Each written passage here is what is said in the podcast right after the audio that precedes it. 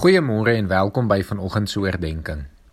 Ons het gister gehoor hoe ons moet toelaat dat die saad in ons lewens groei en vrug dra en weer saad moet skiet sodat ander ook deel kan wees van God se koninkryk. Vanoggend hoor ons 'n vergelyking wat ons weer laat besef hoe kragtig die groei van die evangelie is en hoe dit kan groei wanneer ons ons kant bring. Vanoggend lees ek vir ons die gelykenis van die mosterdsaadjie voor uit Markus 4 vers 30 tot en met 32.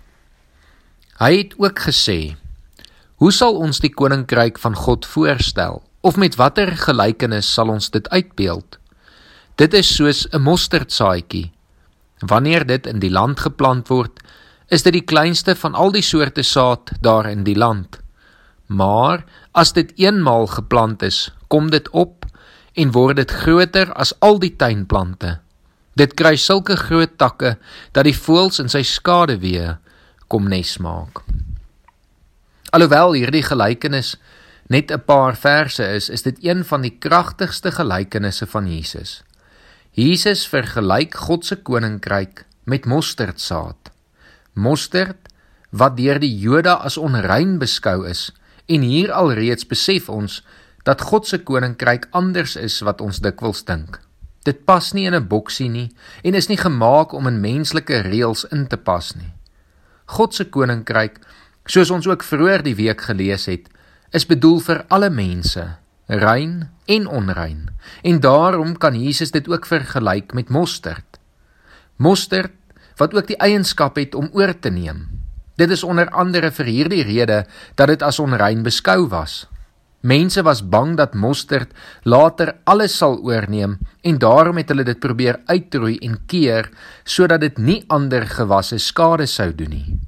Net so kan ons maar weet vandag dat daar altyd teenkanting teen God se koninkryk sal wees. Maar uiteindelik sal God se koninkryk oorneem soos wat mosterd 'n land oorneem.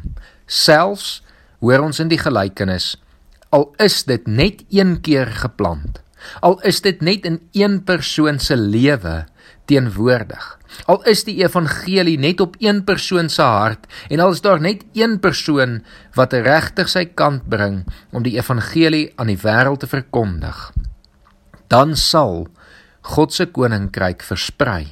Dan sal God se koninkryk groei. Dan sal mense deel raak van God se koninkryk. En so stelselmatig sal dit groei en groei en nog persone sal in hulle lewens die mosterdsaad inkry. Sal verder saad ontwikkel saad skiet en verder die evangelie versprei. Tot dit alles sal oorneem. Ons kan met hoop en vertroue met sekerheid hierna uitsien.